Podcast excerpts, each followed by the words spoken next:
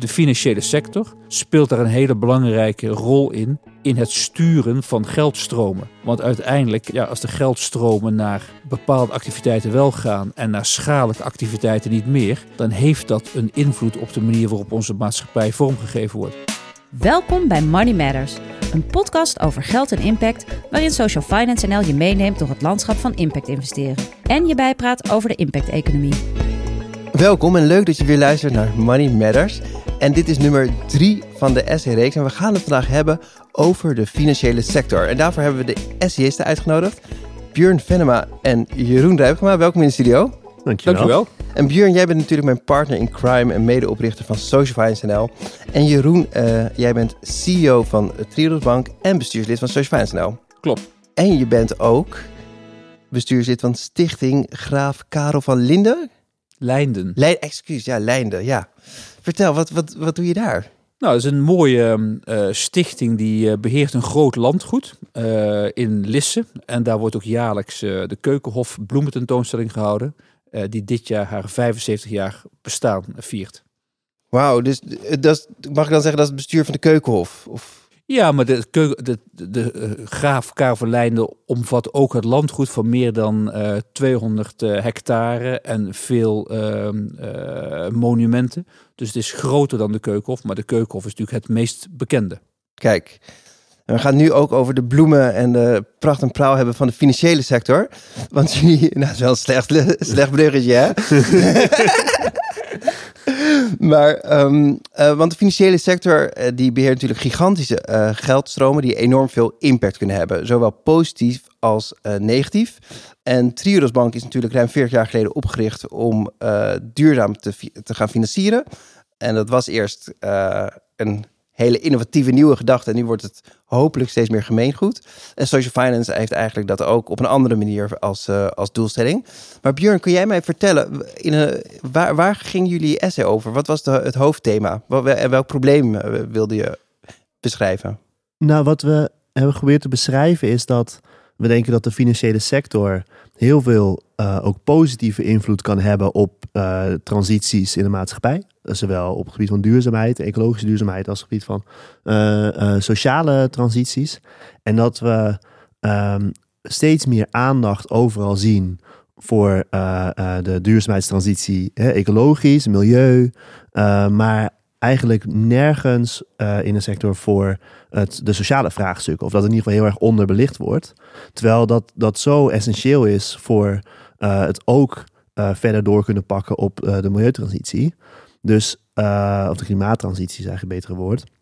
Eh, dus eigenlijk willen we een oproep doen aan de financiële sector van kijk, kijk nou ja, een stap verder. En dat, eh, voor heel veel eh, financiële instellingen is het kijken naar klimaattransitie en klimaatadaptatie al een stap verder.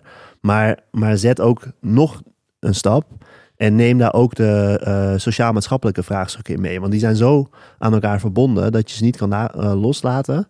Uh, maar door alleen maar eendimensionaal naar het klimaat te kijken, uh, denken we eigenlijk dat je, dat je een hele groep mensen straks gaat achterlaten en, en misschien wel helemaal niet de effect, effect uh, bewerkstelligt die je die zou willen bewerkstelligen. Oké, okay, dus eigenlijk wordt de financiële sector met hoort en stoot wel steeds groener, maar niet zozeer socialer. Ja. Inclusiever, ja. ja.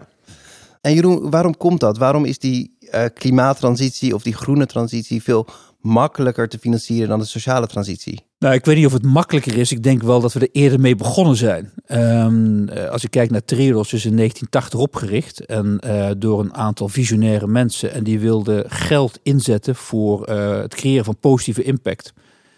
En um, we zijn vrij snel met elkaar in de hele maatschappij de nadruk gaan leggen op uh, zeg maar de ecologische impact. En te zorgen dat we ja, de uitstoot van CO2 gingen beheersen. Uh, daar is Triodos ook een voorloper in geweest. We waren de eerste bank die in 1986 een um, windmolen uh, financierde. Maar de gedachte over um, ja, de sociale impact, die is eigenlijk al uh, veel langer. Dat was ook al um, in de jaren 80, als ik me goed herinner, was er in 1987 het zogenaamde Broendland-rapport wat aangaf dat uh, ja, we met elkaar moeten kijken naar de behoeftes van mensen in de huidige uh, generatie, maar vooral ook van toekomstige generaties. En dat we ons daarop moeten uh, inrichten. En dat uh, ja, de financiële sector, en dat zijn niet alleen banken, dat zijn ook verzekeraars, dat zijn ook pensioenfondsen, veel meer oog moeten hebben voor um, ja, de langere termijn behoeften in de reële economie. En niet alleen kijken naar financieel rendement, maar vooral ook naar de combinatie van financieel en maatschappelijk rendement. Nou, daar is Triodos voor opgericht. Ik denk dat we zien dat dat op ecologisch gebied echt zijn vruchten afwerpt. En ook in de financiële sector. En daar loopt de Nederlandse financiële sector wereldwijd gezien zeker in voorop. Want we hebben ook als eerste het klimaatakkoord hier in Nederland eh, ondertekend. Na de Parijsakkoorden. Maar nu is denk ik ook echt de behoefte aan om ook op maatschappelijk en op sociaal gebied uh, stappen te zetten. Zodat de kansengelijkheid voor iedereen is. Dat iedereen zich individueel kan ontplooien. En dat we met elkaar werken aan sociale uh, cohesie en sociale inclusie. En kan je dan ook uh, dingen leren van die groene transitie die je in de sociale transitie kan inzetten? Zeker. Uh, Eén les denk ik die we moeten leren is dat cynisme ons niet verder gaat werken, helpen. Dit is een lang traject, is ook een moeizaam traject. Maar je zult ook manieren moeten vinden om um, ja, business cases, investeringen niet alleen te meten op financieel rendement en risico, maar nadrukkelijk ook positieve impact mee te nemen. Welke positieve impact uh, creëer je voor de maatschappij? Ja, en hoe ga je dan um, um, sociale huisvesting waarderen? Hoe ga je dagopvang waarderen? Hoe ga je kinderopvang uh, waarderen? Dat is niet makkelijk. Dat hebben we ook nu niet meteen klaar. Net zoals we ook um, uh, CO2-beprijzing 15, 20 jaar geleden niet klaar hadden. Maar daar moeten we met elkaar over nadenken. Daar moet aan gewerkt worden. Daar zijn universiteiten mee bezig. Misschien dat Björn daar straks nog iets over kan vertellen. Maar er zijn mogelijkheden om daar stappen in te zetten. En de financiële sector speelt daar een hele belangrijke rol in. In het sturen van geldstromen. Want uiteindelijk, eh, ja, als de geldstromen naar eh, bepaalde activiteiten wel gaan en naar schadelijke activiteiten niet meer, dan heeft dat een invloed op de manier waarop onze maatschappij vormgegeven wordt. Duidelijke oproep en ook een heldere probleemstelling van hoe kunnen we nou die sociale transitie uh, die vaart meegeven die we ook in de, in de groene transitie uh, zien komen. Um, even naar, naar oplossing hoor, want uh, Björn, um, het is wel iets heel anders. Sociaal financieren vergeleken met groen financieren. Moet je daar ook op een andere manier naar financiering kijken? Zijn er andere financieringsproposities voor nodig? Nou, ik weet niet of er hele andere financieringsproposities nodig zijn.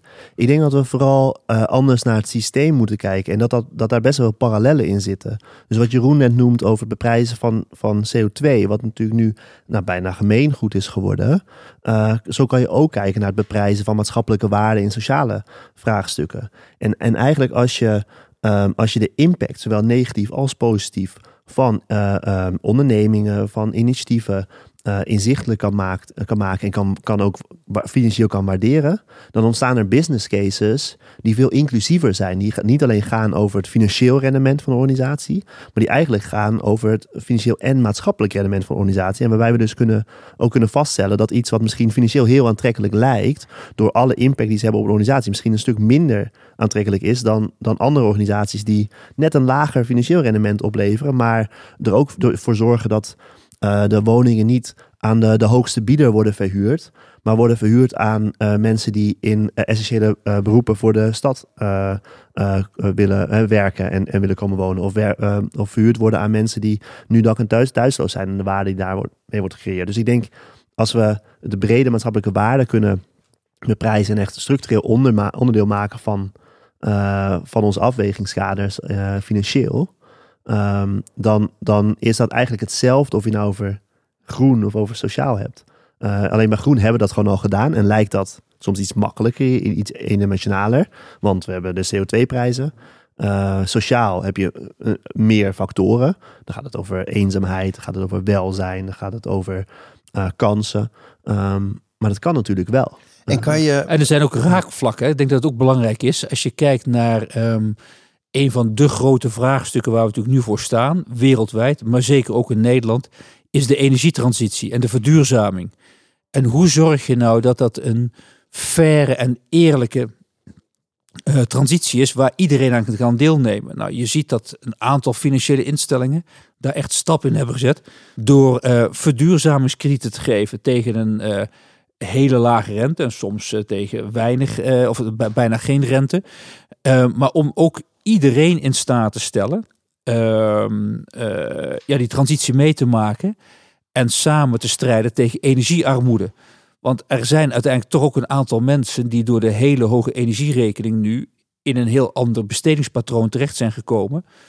en eigenlijk zelf geen middelen hebben om te investeren in de verduurzaming. Nou, daar hebben denk ik ook financiële instellingen een rol te vervullen om die mensen wel in staat te stellen toch die energietransitie mee te maken en daarmee ook een, uh, ja, een redelijk bestaan te kunnen hebben.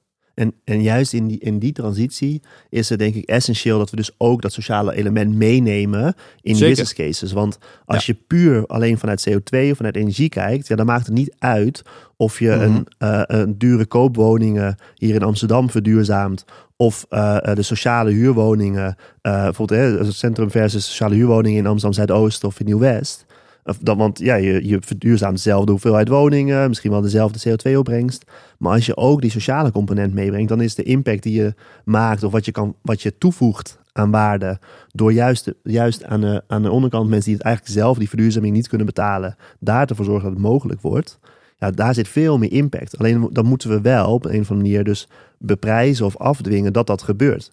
Uh, en dat we dus eigenlijk verder kijken dan alleen die die duurzaamheidsbesparing uh, die er wordt gemaakt. Je begon met, met uh, als je de maatschappelijke waarde includeert in een business case, dan kan je meer financieren op sociaal vlak. Kan je dat heel concreet maken met een van de voorbeelden waar je aan werkt bij Social Finance NL? Ja, zeker. Nou, eh, het, het voorbeeld dat we in uh, essay noemden en waar we denk ik heel trots op zijn, is, is de Health Impact Bond valpreventie of stevig staan. dat is een programma in Noord-Limburg met zeven gemeentes, twee zorgverzekeraars, waarbij we eigenlijk hebben gezegd, nou, uh, ouderen met een hoog risico op vallen, um, die, uh, die gaan we een programma aanbieden om nou, steviger te staan, zoals het programma biedt. Dus met fysiotherapeuten, met ondersteuning, zorgen dat ze meer balans, meer spierkracht en dat ze eigenlijk met het hoofddoel dat ze minder vallen. Um, en daarmee, en als dat lukt, dan besparen we zowel uh, uh, zorgkosten. Dat levert waarde op voor de zorgverzekeraar, omdat mensen als ze vallen in het ziekenhuis uh, terechtkomen. Maar dat zorgt, maar als ze vallen zien we ook dat ze vaker in een sociaal isolement terechtkomen, dat er mantelzorg nodig is vanuit een omgeving, dat er vanuit het WMO-domein heel veel ondersteuning nodig is. Dus eigenlijk zie je dat, dat in de huidige situatie dat helemaal niet, dat, dat met heel veel kosten gepaard gaat als die ouderen vallen. Um, maar dat, dat het huidige systeem helemaal geen, geen mechaniek heeft om, uh, om die waarde of die kosten die daarmee optreden, om daar ook uh, voor uit te betalen. En met die impactbond hebben we eigenlijk, be, hebben we eigenlijk berekend van ja, wat, wat is nou de waarde als we zorgen dat minder mensen vallen? En kunnen we dan met die zorgverzekeraars en gemeenten, wat, dat zijn de, de, de organisaties die het meeste profiteren daarvan, kunnen we met hun afspreken dat ze voor die waarde ook echt betalen. Dat is gelukt. En daar wordt dan nu de komende vijf jaar 2500 ouderen uh, getraind. Uh, met, als, met als bedoeling dat ze minder vallen. Maar vooral dus dat ze uh, betere maatschappelijke uitkomsten hebben. Dat ze minder sociale isolement komen. Dat ze minder zorgkosten hebben. Ehm, en, en daar hebben we investeerders voor gevonden. Dus daar komt de financiële sector. Die, die zijn in staat om dat voor te financieren. en met de gemeente zorgverzekers hebben we afgesproken dat als die zorgkosten minder worden, dat ze de, de besparing uitbetalen en daarmee kunnen de investeerders hun rendement terugkrijgen. Ja, en het interessante, denk ik, van dit voorbeeld is. Als je kijkt naar de gezondheidszorg, we zijn nu ingericht op herstel. Heel goed geregeld in Nederland. En mensen in de gezondheidszorg werken ontzettend hard om dat te realiseren. We zijn niet of minder gewend, we zijn wel aan het ontwikkelen, maar nog minder gewend om te investeren in preventie. Want ja, hoe meet je dan de kostenbesparing? Maar het interessante is, we hebben het dan nog steeds over kosten. We Mhm. hebben het niet over levenskwaliteit. Ja.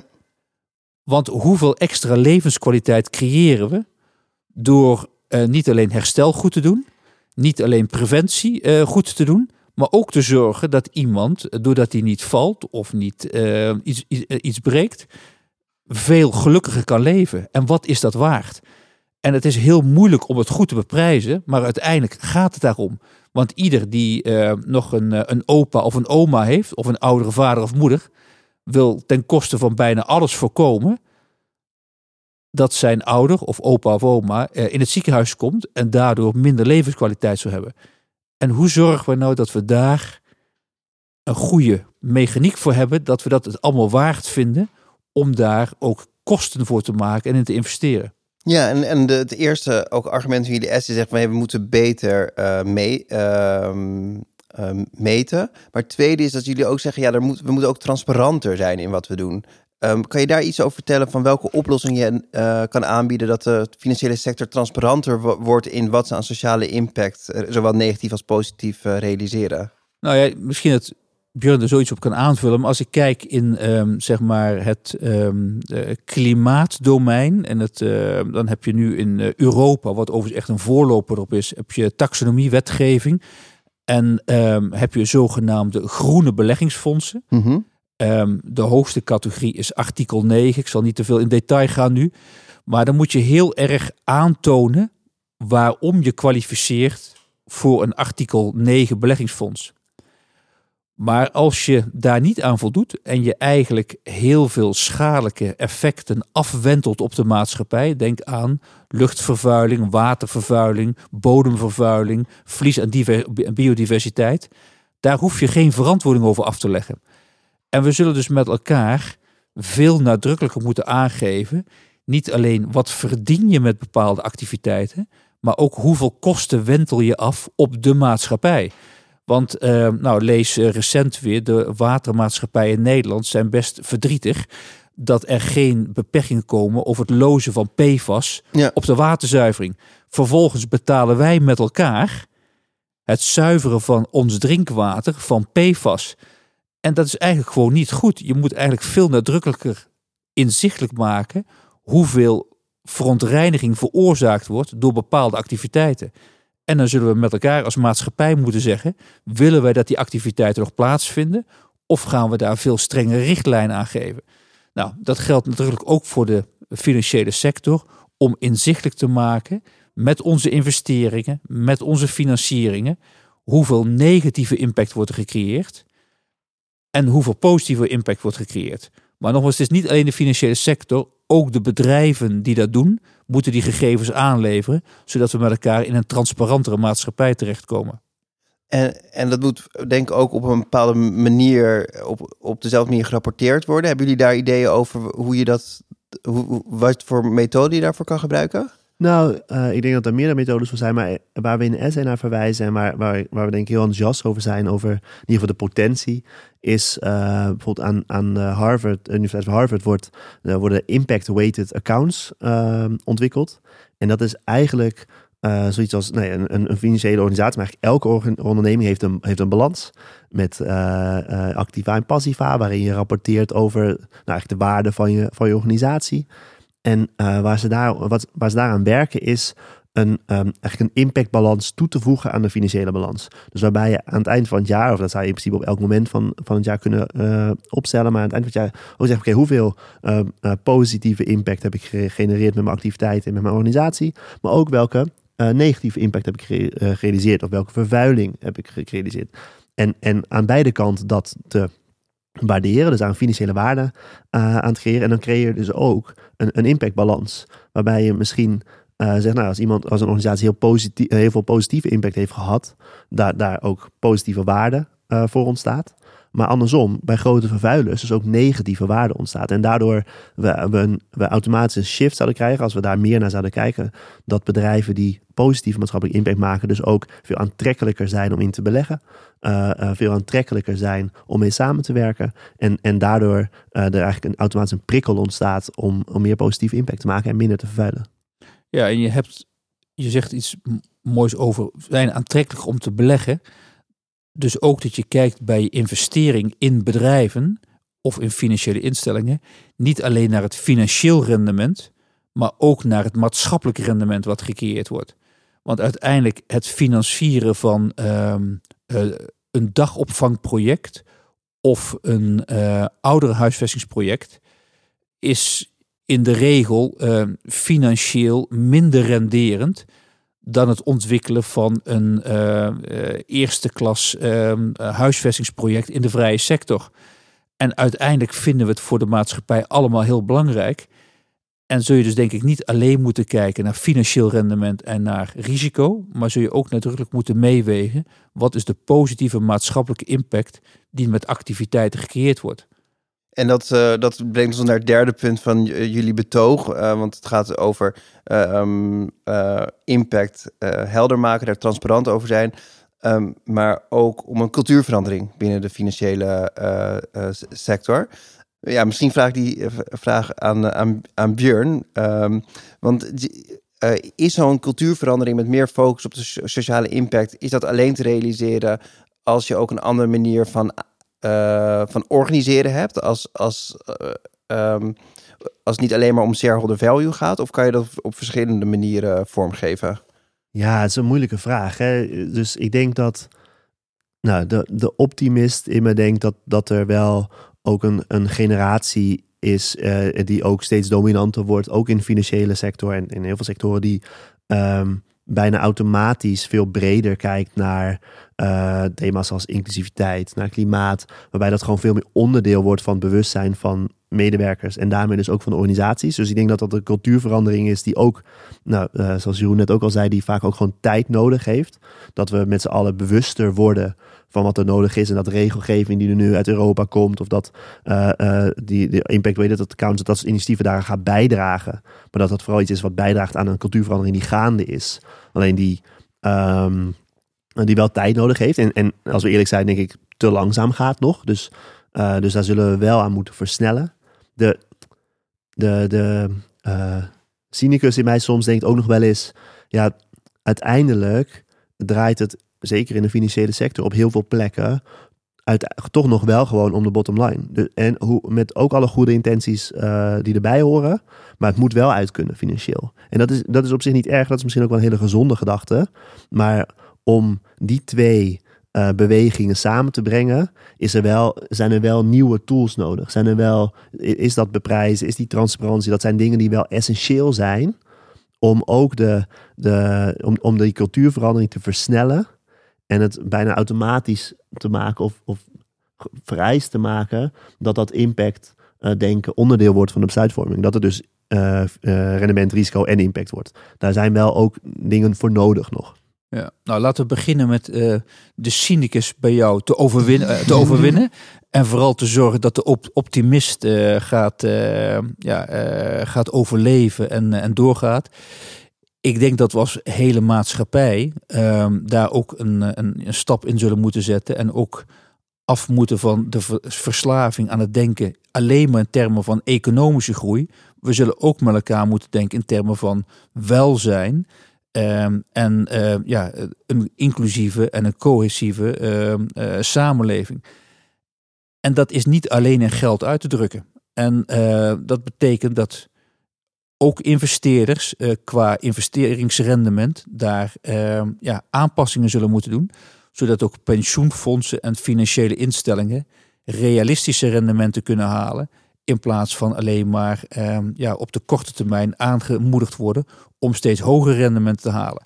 Want dat is op langere termijn um, steeds moeilijker verenigbaar met de andere doelstellingen die we hebben. Namelijk een inclusieve en cohesieve uh, maatschappij. Maar ook een maatschappij die functioneert binnen de planetaire grenzen. En we zien allemaal dat dat uh, ja, steeds moeilijker wordt. Dus je hoort soms ook discussies over post-growth scenario's of degrowth scenario's. Nou, dat zijn wel aspecten waar we het met elkaar over moeten hebben. Om weg te bewegen van alleen maar denken in financieel rendement en risico. Maar niet na te denken over positief maatschappelijke impact. En wat ik interessant vind, want in, met je ene voet sta je in inderdaad die post-growth, degrowth discussie. En die hele vooruitstrevende uh, wereld. Maar aan de andere kant uh, ja, ken je ook de boardroom van de financiële sector heel goed. Hè? Je hebt Zeker. twee uh, de leiding van twee financiële instellingen, maar ook bij de MVB heb je verschillende, uh, met heel veel banken samengewerkt. Dus zie jij die cultuurverandering, zijn die twee werelden nog heel ver uit elkaar? Of zie je echt een cultuurverandering in de financiële sector? Ik, zie zeker een cultuurverandering. Uh, ik denk ook dat uh, heel veel partijen, zeker in West-Europa en Nederland, in de financiële wereld, zo'n zo'n verandering willen maken. Maar je kunt dat niet alleen. Je, je opereert in een maatschappij en we werken in een maatschappij. Dus dan zullen ook meerdere partijen moeten uh, veranderen. Ook bij pensioenfondsen zullen ook deelnemers daar hun stem in uh, moeten laten horen. En ik denk dat de uitdaging is dat dit in de praktijk vaak langer duurt dan je zou willen. En we moeten ervoor zorgen dat we aan de ene kant volhouden en niet opgeven. En tegelijkertijd ook niet cynisch worden van het verandert niet snel genoeg. Want ja, dit zijn langdurige processen. Alleen mijn taak is, uh, of dat zie ik als mijn taak, en ook een, nu met het SC met Björn, we moeten proberen iedereen daarin te stimuleren en te inspireren, te motiveren, uh, om te versnellen waar het mogelijk is. Dankjewel. Dus tot slot, de call to action. Um, dus er een nieuw kabinet uh, aan het onderhandelen voor, voor een nieuwe regering. Volgens mij mag je nog geen onderhandelen noemen, maar in ieder geval als ze kijken of we een nieuwe regering kunnen formeren. Wat verwacht je van de overheid? Hoe kan het kabinet uh, de financiële sector een impuls geven om, om die sociale verandering te realiseren? Ja, op, op meerdere niveaus. Ik denk dat als we zien wat er in Europa op uh, klimaatgebied is, zou het denk ik ook heel goed zijn om uh, soortgelijke maatregelen te nemen op sociaal en maatschappelijk gebied. Ehm, eh, wij werken bijvoorbeeld ook samen met de Europese Investeringsbank voor ehm, investeringen in de culturele sector. Eh, ik denk dat er veel meer op dat terrein te doen is met Europa.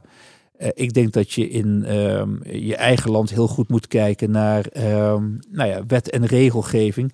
En hoe kun je stimuleren dat projecten op het gebied van maatschappelijke en sociale ontwikkeling, dat die ja, ondersteuning hebben om uh, mogelijk gemaakt te kunnen worden. En ja, daar kun je van allerlei manieren naar kijken. Je kunt kijken naar fiscale stimulering. Hè. We hebben groenfondsregelingen. Zou je ook naar sociale fondsregelingen moeten? Eh, er zijn andere voorbeelden. Ik denk dat het misschien ook aardig is dat Pure nog iets vertelt over het initiatief rondom SIF. Er zijn denk ik voldoende ideeën waar je financiële sector, overheid, bedrijfsleven elkaar kunt vinden om daadwerkelijk een positieve ontwikkeling op maatschappelijk gebied tot stand te brengen. Die SIF, het gaat over de inclusieve arbeidsmarkt. Wat kan de overheid op dat vlak uh, doen om de financiële sector in beweging te brengen?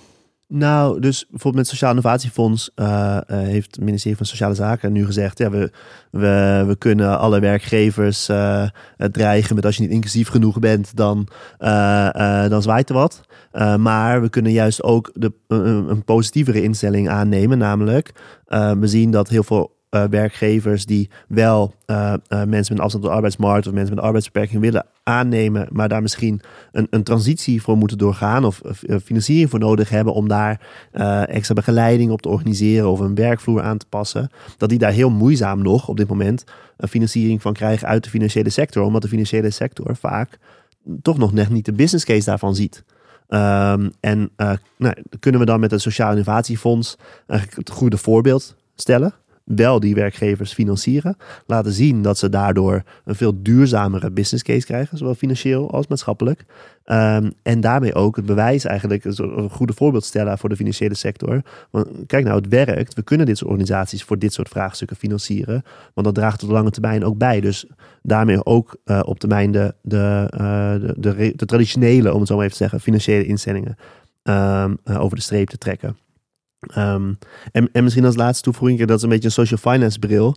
Maar, maar de, onze overheid is natuurlijk ook gewoon de belangrijkste um, beneficiant of of de, degene die, het, die de grootste rol heeft uh, in de sociale transitie. Want we, zijn, we hebben een enorm welzijnsstelsel, dat is fantastisch. We zorgen heel goed voor onze burgers. Maar, maar in dat systeem is het ook nog wel heel vaak heel erg uh, reactief, heel erg gericht op herstel. En ik denk juist door, uh, door sterker te stellen: oké, welke sociale doelen willen we als kabinet bereiken?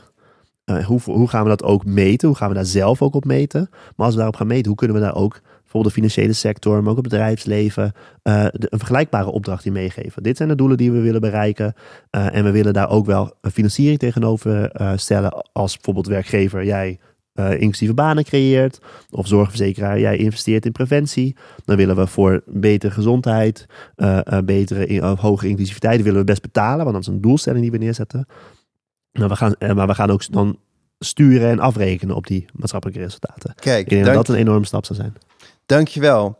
Um, en helder. En het, de essay ging over het versnellen van de sociale transitie naar de groene transitie. We hebben het gehad over ehm, impact centraal stellen, dat meten. We hebben het over transparantie gehad, maar ook over een cultuurverandering en hoe we het cynisme niet kunnen laten zegeveren, maar met een positieve blik uh, kunnen werken aan die verandering. Uh, en ook wat, het, uh, wat de overheid hierin kan betekenen als call to action naar het nieuwe kabinet. We eindigen altijd met de uitsmijter. Jeroen Björn, wat moeten we vooral niet meer doen? Wat smijt Money Matters het liefst vandaag nog het raam uit? Als ik het mag zeggen, uh, cynisme smijt het raam uit. Blijf de goede dingen zien en blijf elkaar uitdagen om te versnellen waar mogelijk. Ja, ik sluit me daar helemaal bij aan. En ik denk dat, dat wat we in het essay ook proberen te betogen is... we hebben in de energietransitie, uh, heeft de Triodos uh, al in de jaren tachtig goede voorbeeld gegeven. Hebben gezien dat het heel lang duurt om iedereen die zei... nee, het kan niet en zo werkt het niet en zo gaat het niet... Te laten zien dat het wel kan. En in de, in de energietransitie zien we inmiddels dat het hartstikke goed kan. dus laten we inderdaad dat cynisme overwinnen... en iets sneller uh, met elkaar denken, ja, ook in de, in sociale uh, transitie kan dat wel. Kunnen we dingen wel financieren, zitten er wel business cases in. En dan komen we er een stuk sneller als de afgelopen 40 jaar. Kijk, dankjewel. Dankjewel uh, Björn. Wil je meer over jou horen? Je bent ook als co-host in uh, Money Matters te horen in andere afleveringen. En Jeroen, dankjewel. En wil je meer horen over het werk van Jeroen als CEO van uh, Triodos Bank? luister dan naar aflevering 41 van Money Matters in, in je podcast app. Um, mocht je de, meer willen weten over het essay, bestel dan de nieuwe folder. Ik heb een nieuwtje. Er komt een tweede druk. Hey, gefeliciteerd. Kijk, dus uh, je kan nog uh, bestellen via Walburg Press of in de betere boekhandel. Um, nou, dat is eigenlijk de reclame die, ik, die ik wilde maken. Um, en daar kan je natuurlijk ook alle andere essays lezen die in deze essay-bundel voorbij komen.